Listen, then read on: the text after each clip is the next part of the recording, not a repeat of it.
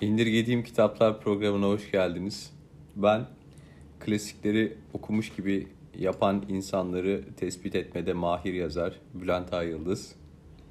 Evet Bülent, beni takdim etmeyecek misin? Kendini takdim et. Evet, ben de e, klasik kitapları okuyan, şaka yapıyorum tabii. Ben de klasik kitapları okumuş gibi yapan ve beni tespit etmeyen edenlere karşı sinirlenen bir adamım yani Bülent'ciğim. En çok okumuş gibi yaptığım bir klasik var mı ya? Var. Ne? Dostoyevski'nin Suç ve Cezası. Oo. Oğlum bu büyük bir suç, cürüm Yani. yani. Ama kimse anlamıyor okumadığımı. E konuşmazsan anlamaz abi. Yani ha evet. evet öyle falan. Tabii evet balta falan. Evet, Balta. ev sahibi. Baltalı bir deli vardı şey. Evet, evet. Karikatürlerde. Neydi onun adı? Kim ya? Umut Sarıkaya karikatürü değil miydi o ya? Baltalı deli. Baltalı demir mi? Benim aklıma şey geliyor. Şöyle süper kahraman gibi bir arması da vardı üzerinde. Şey olmasın mı? Neydi o bir tane? Kaan Ertem'in çizdiği. Ha olabilir. Yani karıştırıyor olabilirim. Neyse Sebastian Knight'ın devamını şey yapalım da sonuçta biraz bu modülü Sebastian Knight'ın bugün konuşacağımız modülünde daha çok metnin aslında ölüm ve e, bir Erdener abim. Ha. Ah, bir modern ritüel olarak yazmak üzerine duracağız aslında ve ritüellerin faydasından bahsedeceğiz biraz. Mesela benim Sebastian mı? Sebastian. Benim şeydi yani ben ritüelleri biraz ne küçümseyen bir insanım ama Niye e, küçümsüyorsun? kabul ediyorum ritüellerin insan hayatında e, önemli bir yeri olduğunu. Mesela acıklı bir örnek vermek gerekirse iki hafta önce yaklaşık anneannemin cenazesi oldu. Başın sağ olsun. Sağ ol. Bülent'ciğim. Ee, Evet. Haber sabah 6'da falan geldi ve hani haberi duyduğumda şey yani bir an aklımdan geçti böyle ya gitmek istemiyorum ben ya falan oldum. Niye sen cenazeye. hain torun musun? Gibi. Niye gitmek istemiyorsun? Yani o fikirler geçiyor işte. Demek ki o yine o ah, Albert Camus'un o müthiş başlangıcı var ya. Bugün annem ölmüş. Belki de dündü bilemiyorum diye başlayan romanı. Yabancıyı Hmm, diyorsun. yabancıyı Onu da diyorum. okumuş gibi mi yapıyoruz acaba? Neydi o karakterin adı? Marsevut muydu? Marcio Nobremil yoksa. Abi şimdi konuyu sulandırmasana ya. Neyse abi işte şeyi görüyorsun. O oradaki ritüelleri görüyorsun ve aslında cenazenin ölmüş olan için değil de arkada kalanlar için bir ihtiyaç olduğunu. Yani başından sonuna saçma geliyor. İşte herkes mesela mezara toprak atmak için yarışıyor falan. Ben bayağı sinir oldum. Niye böyle bir yarışa giriyor insanlar falan.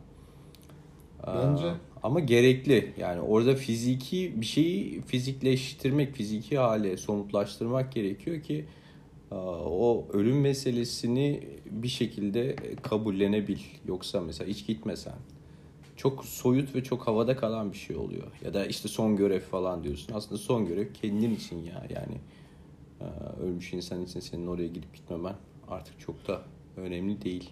Evet. Oradan gelirsek e, Sebastian Knight'ın Bu konuda benim de söyleyeceklerim Söyle var buyur. Bülent. Buyur. Şimdi Sebastian'ı siktir et de biraz gerçeklere dönelim diye giriş yapıyorum. Ya şimdi açıkçası gene ığlayarak konuşuyorum Bülent'ciğim. İkaz etmiştin ama. Fazla ığlama. Ya şimdi cenaze merasimine gidiyoruz. Birisi ölüyor. Herhangi bir yakınımız ölüyor. Şimdi sen onun cenaze merasimine gidip işte gerekli ritüelleri gerçekleştirmediğin zaman ya da işte bunun kırkı var, mevlidi var. Bunların hepsinin de bir şeyi olduğunu düşünüyorum. Evet aşama aşama bir kabullenme. aşaması olduğunu düşünüyorum.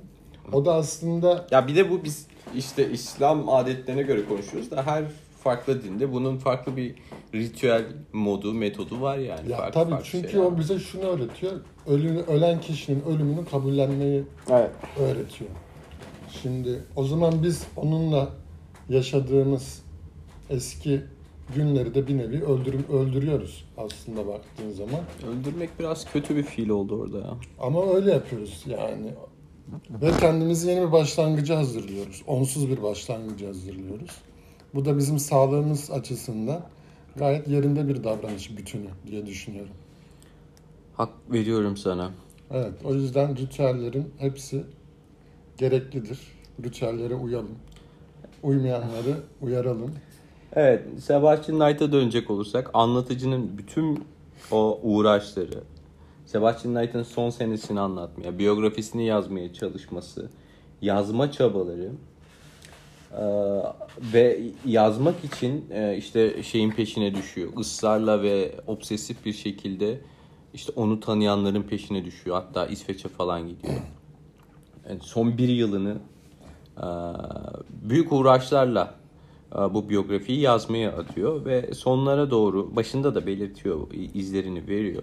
Sonlara doğru aslında kahramanın bütün anlatıcının bütün bu uğraşlarının kardeşinin üvey kardeşinin ölümünü e, kabullenebilmesiyle alakalı olduğunu e, görüyoruz. Bir de metinde şeyde çok benzerlikler var. Nabokov'un biyografik özellikleriyle Sebastian Knight'ın biyografik özellikleri bazı yerlerde tutuyor işte genç yaşta İngiltere'ye gidip eğitimini orada tamamlaması. İşte Sebastian Knight İngilizce yazmaya başlıyor. Ee, ve bu roman da Sebastian Knight'in gerçek yaşamı romanı da Nabokov'un İngilizce yazdığı ilk romanı. Ee, ve işte bu mevzuları metnin içerisinde söylüyor. Hatta metin bir yerde işte Sebastian Knight'la özdeşleşme noktasında ve met, e, Knight'in yazdığı romanlar da var. O çok buz, o çok ses çıkarıyor. Ne? Buz sesi. Buz sesi mi? Evet. Yapılacak, yapabilecek bir şey İçme. mi? İçmeden duramıyorum. Sebastian Knight'ın romanlarıyla anlatı bir yerde birbirine karışıyor ve şeye dönüyor. Bu senin bildiğin yerden topu salayım. Bores'in e, yolları çatallanan bahçe gibi bir şey. Orada da e, hikayenin kendisi... diyorsun. Evet bir nevi kayboluyoruz ama işte hikayenin kendisi yolları çatallanan bahçe öykünün kendisi veriyor ya. Evet. Bütün o anlatış falan. Burada da öyle oluyor. Ben yine şeyle alakalı birkaç alıntıya bakayım. İşte neden bunu ölüme bağladık? Havadan sudan mı bağladık? Yoksa işte net açıktan söylediği yerler var. Mesela Sebastian Knight'ın metninden bahsederken de Sebastian Knight'ın yazdığı romanın da e, ölümle alakalı olduğu. Bu arada Sebastian Knight da zaten kalp krizi geçirmiş ve bu kalp krizinin kronik olduğunu ve kal- kalbinin giderek e, zayıfladığını biliyor ve bu yazdıklarıyla da aslında Sebastian Knight kendi yazdıklarıyla da ölüme hazırlıyor kendini. Anlatıcımız da ölenin e, ölümünü kabullenmek üzerine yazıyor. Yazıyor diyorsun. Bütün yazdıkları iki karakterinde yazdığı şey aslında ölümle alakalı. Şöyle bir alıntı var uzun ama sadece başını okuyacağım. Evet sadece başına. Yoksa dikkatim dağılıyor. Bir adam ölmektedir. Öykünün kahramanı odur. Ama kitaptaki öbür kişilerin yaşamları bütünüyle gerçekçi bir biçimde anlatılırken ya da en azından Knight'çı anlamıyla gerçekçiyken ölmekte olan adamın kimliği, ölüm döşeğinin nerede durmakta ya da süzülmekte olduğu, hayatta bunun bir döşek olup olmadığı konusunda okuyucuya hiçbir şey söylenmez deyip daha hala ölümle alakalı tiradını devam ettiriyor. Başka neler diyor? Başka neler diyor? Şöyle bir şey var. Onun devamını okumuyorum başka bir sayfadan. Yaşamla ölüme ilişkin bütün sorunların cevabı o mutlak çözüm tanıdık dünyanın çehresinde boylu boyunca yazılı durmaktadır. Keşfine çıktığı yaban ülkelerin, doğal olayların gelişi güzel bir araya gelmesi değil, üzerinde bu dağlarla ormanların, çaylarla ırmakların tutarlı bir cümle oluşturacak biçimde yan yana getirildiği bir kitap sayfası olduğunu fark eden bir yolcu gibiydi. İşte burada zaten o mutlak çözüm, ölüme karşı mutlak çözümü aslında yazmak, cümleleri bir araya getirmek ve orada eritmek ve hatta artık o oraya zehrini akıtıp yola devam etmek şeklinde görüyoruz. Bir de final cümlesini de okuyayım. Alıntı yapmayı bırakalım. Sebastian Knight'ı bu arada şey acilen bir mektup yollayıp kardeşinin görmesini istiyor anlatıcının. Anlatıcı da şaşırıyor. Beni hiç aramayan bir adam neden durup dururken beni çağırıyor falan yanında. Bayram Ve- değil, seyran değil. Evet bunu öteliyor. Enişten beni niye? eniştesi üvey kardeşi neden böyle bir şey böyle öteliyor ve buradaki pişmanlığını da dile getiriyor aslında o işte pişman vicdan azabı Evet. falan filan derken aslında belki kendi de bilmediği bir sebepten ötürü biyografisini yazmaya yani o çektiği ufak vicdan azabı biyografisini yazmaya götürüyor. Bu birazcık uzun bir paragraf olabilir ama son paragrafım. İşte böyle Ee, son e, artık ölüm döşeğinde gidip gördüğünde de onu bir odaya alıyorlar anlatıcıyı. Hı. Sebastian Knight yatıyor yatakta diye. O birkaç dakika orada bekliyor hastanın başında. Sonradan açığa çıkıyor ki o hastanın hasta kardeşi değilmiş. Başka birinin başında bekliyormuş. Hı. Sebastian ölmüş zaten. Allah rahmet eylesin. Amin. İşte böyle. Sebastian'ı göremedim ya da en azından yaşarken göremedim. Ne var ki onun soluk alıp verişi sandığım şeyi dinleyerek geçirdiğim birkaç dakika Sebastian ölmeden önce benimle konuşmuş olsaydı değişeceği ölçüde değiştirdi yaşamımı. Ondaki giz neydi bilmiyorum ama ben bir gizi çözmüştüm. O da şu. Ruh bir varoluş biçiminden başka bir şey değildir. Sürekli bir durum hiç değildir. Dalgalarını bulur ve izlerseniz her ruh sizinki olabilir. Ölümden sonraki yaşam denen şey istediğiniz ruhu hatta birbirinkinden farksız azap yüklerinin bilincinde bile olmayan istediğiniz sayıda ruhta bilinçle yaşamak yeterlidir belki de. Başka bir şey değil. Demek ki ben Sebastian Knight'ım deyip tiradına Evet. biraz daha devam ediyor. Tiradını şeyle sonlandırıyor. Evet burada şeye giriyoruz. Peki sana bir soru. Sebastian Efendi Vahdeti Vücutçu olabilir mi acaba Bülent? Olabilir ya. Diyorsun. Olabilir. Vahdedi vücutçu deyince aslında bütün hadisenin bir yandan da satranç maçı gibi ilerlediğini de söylemek istiyorum. Zaten o adın neydi? Ne savunmasıydı o? Lujin savunması. Lujin savunması da satrançla alakalı. Nabokov da satranç. Bütün Ruslar gibi Nabokov da satranççı. Evet. Ve Sebastian Knight yani soy ismi Knight satrançta ki atın ismidir. İngilizce Knight derler ona ve işte sevgilisinin adı Claire Bishop'tır. Bishop da şey demektir. Satrançtaki fil taşına denir. Ve aslında yazmayı da şeye benzetiyor. Buradaki anlatmaya çalıştığı esas duygunun eee, küçük bir çocuğa satrançta atın nasıl hareket ettiğini öğretmek gibi buluyor. Ee, ve şey satrançta atın hareketi gerçekten çocuk için hatta yetişkinler için bile akılda tutması en zor hareket. Çünkü L şeklinde gidiyor. Diğerleri belli bir geometrik şekilde işte çapraz gidiyor, ileri gidiyor, geri gidiyor ama at en tuhaf hareketi hamleyi yapıyor ve bunu işte bir çocuğa öğretmek zor. Aslında alt metindekini ben size bu şekilde, bu metaforu kullanarak size bir şey anlatmaya çalışıyorum diyor Nabokov. Şimdi bu, bu ritüeli şeye adapte ediyoruz. Nereye adapte ediyoruz?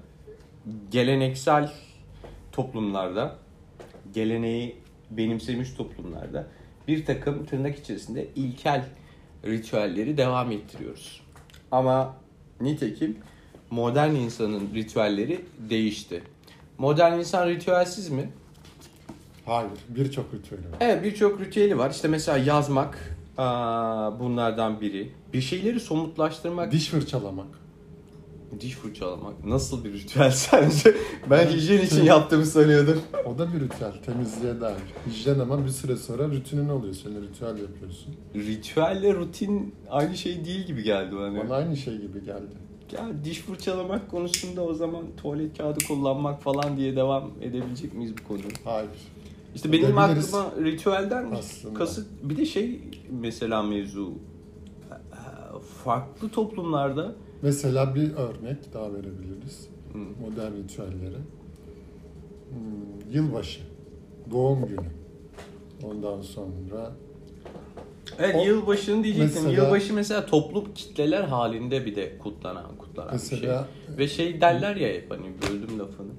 İşte bu sene bize mutluluk, huzur bilmem ne zarsurt getirsin. Lan oğlum iki saat var arada yani senenin değişimiyle her şeyin değişeceğini ümit etmek aslında çok saçma ama insanlar bunu bir de o ritüeli büyük kutlamalarla mesela her yeri aydınlatarak, ışıklarla bir şeyler yaparak doğru.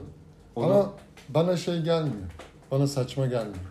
Az önce kutlamışsın zaten Twitter'da. Neyi kutladın ya? 2023. Evet az önce bir kutlama yaptım kendi çapımda.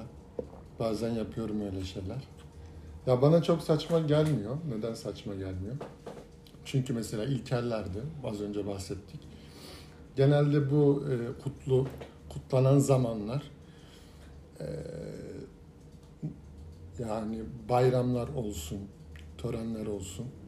Daha ziyade ilk yaratılış anının ilk yaratılış anını, insanın yaratılışını ya da evrenin yaratılışını tekrarlamak için yapılan şeydir. Niye Evet. tekrarlanır? Çünkü o ilk anla kutsallı bütünleşmek amaçlanır ve tekrardan bir yenilenme kazanmak Ya, ister insan. kısaca insanların Şimdi- başlangıçlara ihtiyacı var. Evet, burada da miyiz? Çok uzatmasın. burada da ben uzatırım.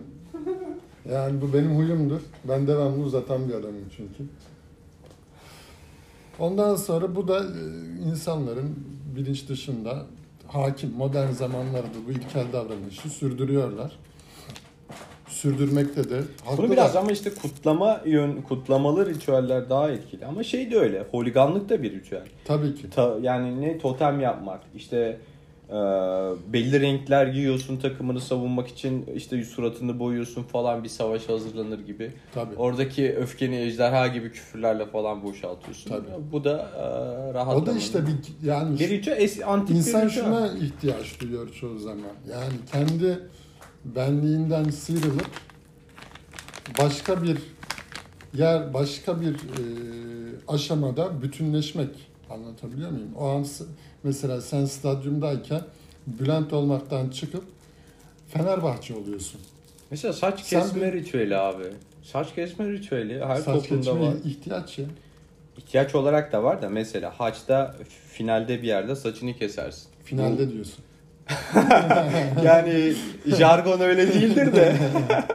işte kurban kesiyorsun, saçını kesiyorsun, şeytanı taşlıyorsun falan ve Evet. artık ben değiştim ve saçını kesme evet de işte orada zaten yaşamında temel şey budur. Ee, gereksinimi ben saçtan devam Budur. edebilir miyim? ya senin saçlarının teline Şeyde de vardı bu çünkü ondan Viking Vikinglerde var ve dizisini izleyen de görür o Ragnar. Er savaşa veyahut da işte keşfe büyük bir şeye gittiğinde kafasını jiletleyip abdest alır gibi elini yüzünü yıkıyor. evet. Ve o şekilde yeni bir e, yola başlıyor. Kızılderililerde de saç kesme mevzu ilgimi çekmişti. Yani saça kutsallık affedilmesi. Evet. Ya Gün, güncelde de şey var. Ya bu çok genelle benim genellemem ama %30 tutarı var gibi geliyor bana. Evlenen kadınlar 3-5 ay içerisinde saçında bir değişikliğe gidiyor. Ya rengini boyatıyor ya kısaltıyor. Bunun farklı sebepleri de olabilir. Ona on- ondan bahsediyorum. Ama bir ritüel olarak bir değişimi e, simgelemek adına farkında olmadan yapılan bir şey saçla alakalı hareketler. Çünkü saç da bizim e, uzvumuz yani bir bir parçamız ve saç kesmek hem değişikliğe hem de bir şeylerden vazgeçmiş olmaya işaret ediyor aslında. ya işte gene dediğimiz yere geliyoruz.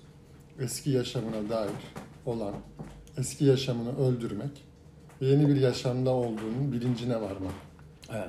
Bir şeyleri geride bırakmak. O zaman bütün modern ritüelleri bir kenara bırakıp e, yazma ritüelinden, bir ritüel olarak yazmadan bahsedelim o zaman. Nabokov'un yaptığı gibi. Yani e, bir ritüel olarak yazma. Orada da ya insanın yazmadan önce nereye kalkıyorsun? Sen oğlum kamera mı var? Niye söylüyorsun? Kalkmıyorum buradayım. Oğlum dikkatim dağılıyor. Neyse ya bunları yapma Bülent ya. Tamam hadi anlat yazmak olarak ritüel. Ya işte insanın da zihninde yazmadan önce e, kaba, düzensiz, böyle kesif bazı durumlar Çok oluyor. şuradan bağlayalım. Sen neden yazıyorsun? İşte bahsediyorum. Yok çok bahset. Sen neden yazıyorsun abi? Bana oradan. Evet. Ben neden yazıyorum? Evet. Ben neden delirdim? Ben neden? Yazmasaydın delirecek miydin? Yazmasaydım semirirdim diye kötü bir espri. Oo. Yazmasaydım semirirdim. Semiramis.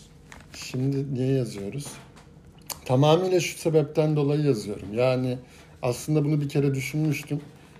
Ee, şöyle atıyorum bir berber olsaydım ben. Gidip adamın e, kafasındaki o saçı, o kaba, kötü, iğrenç görünümlü saçı belirli bir düzene kavuşturmak. Belirli bir şekil vermek, ortaya bir yapı çıkartmak hoşuma gidiyordu. Hoşuma giderdi. Ve berber olmayı da isterdim gerçekten. Yazmada da aynı duyguya sahibim. Yani ortada kötü, kaba bir e, kafamda bir olay örgüsü var. Onu yazarak bir şekle kavuşturma, ona bir şekil verme, ona bir düzen sağlama. Evet. Burada da şey ilk Bana e, kendimi daha iyi Bak hissettiriyor. ben araya girdiğimde çok Sen çok araya girme. İşte Girme şunu araya. diyorum sana. Girme senin o- Tamam bak şu araya girdiğime göre Sefa çok uzattın. Hani değiştirmeye çalışıyorum hani hala Sen- ısrarla sen- devam etmen. Ya bak şimdi burada terbiyesizlik yapıyorsun. Ben Ya sen Abdülhamid'i savunmadın mı oğlum? ha? Ya seni şimdi Bülent burada ben senin konuştukça soyunduğundan bahsettim mi? Ya of abi görsel görsel detay vermiyoruz ya. Ya. Lütfen. Bak geçen hafta zaten sana yordum şimdi Yani soyundum bak- falan diye şey yapma. Ya ben bunları görüyorum. Hayır. Senin şöyle niyetini bak, de biliyorum. Dinleyiciye saygısızlık. Şimdi ben soyunuyorum dinleyici başka bir şey zannediyor. Adelelerimi falan sana göstermeye çalıştım. Öyle yapıyorsun zaten sabahtan beri. Sende de bir huylanma oldu Yani diyorsun. Ve gittikçe kullanmaya başladım yani. Olsun, Kullanma olsun. devam ediyor geçen haftadan. Artık beri. üçüncü bölümde halvete doğru. Yani bakalım yani bilemiyorum. Ne diyorduk? Ha somutlaştırma. O senin dediğin yerde tamamlayacaktım. İlk başta bir şeyleri somut olarak e, görmek, tutmak, bir şeyi kırmak, işte saçı kesmek, bir şeyi somutlaştırmak.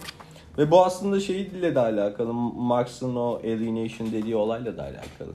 İnsan kendi ürettiğine yabancılaştığında kopuk hissediyor. Burada da aynı mevzu. Berberden verdin güzel bir örnek. Ya da marangoz olur.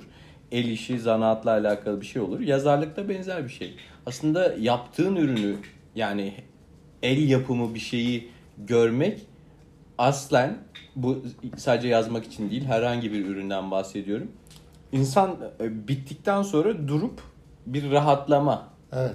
ritüel sonunda bir bütünlük, tamlık hali veyahut da bir akışta olma hali. O olayı yaparken kendini kaybediyorsun ya. Yani kendini kaybetmek o kadar romantik bir kaybetmek değil yani. Bir şeylerle uğraşırken zaman biraz daha nasıl gittiği belli olmayan bir mevhuma dönüyor. Ya şimdi buna şöyle bir ekleme yapabiliriz. Geleneksel ustalar mesela. Çok uzatma bitireceğiz çünkü Kesin 25 şimdi. dakika oldu. Tamam şunu anlatıyorum ve bitireceğim bu konuyu öyle bağlayalım. Mesela geleneksel e, ustalar mesela diyelim ki eline bir taş yontan bir ustadan bahsedelim. Bu adam Bahsedelim. e, taşı yontarken mad taşın gereksiz kısımlarını alır. Gerekli kısımlarını bırakır. E, ve ona bir şey verir. Ona bir şekil verir. O şekil genellikle onu şey diye tasvir ediyorlar. Yani kişinin aslında o nefsidir. Kaba, düzensiz e, bir haldedir. Ona şekil verdikçe usta kendi nefsine de bir şekil vermiş olur. Anlatabiliyor muyum? Yani o içsel olarak onu temsil eder. O da bir şekilde senin dediğin gibi e, kişiyi e, rahatlatır. Rahatlatmaktan öte olgunlaştırır biraz. Daha da dinginleştirir. Ya yazma eyleminin de böylece insanın kendisini terbiye etmeyle ilgili bir durum olduğunu söyleyebiliriz. Peki o zaman ya da söyleyebilirler. Ya da belki de söylemişlerdir. dinleyicilerimizle vedalaş hadi. Sen kapat programı. Ney, ben program kapatamam. Ben açan adamım. Ritüel olarak kapat. Hadi sen kapat da ben- tamam. Hadi. İndirgediğim kitaplar burada sona eriyor. Görüşmek üzere.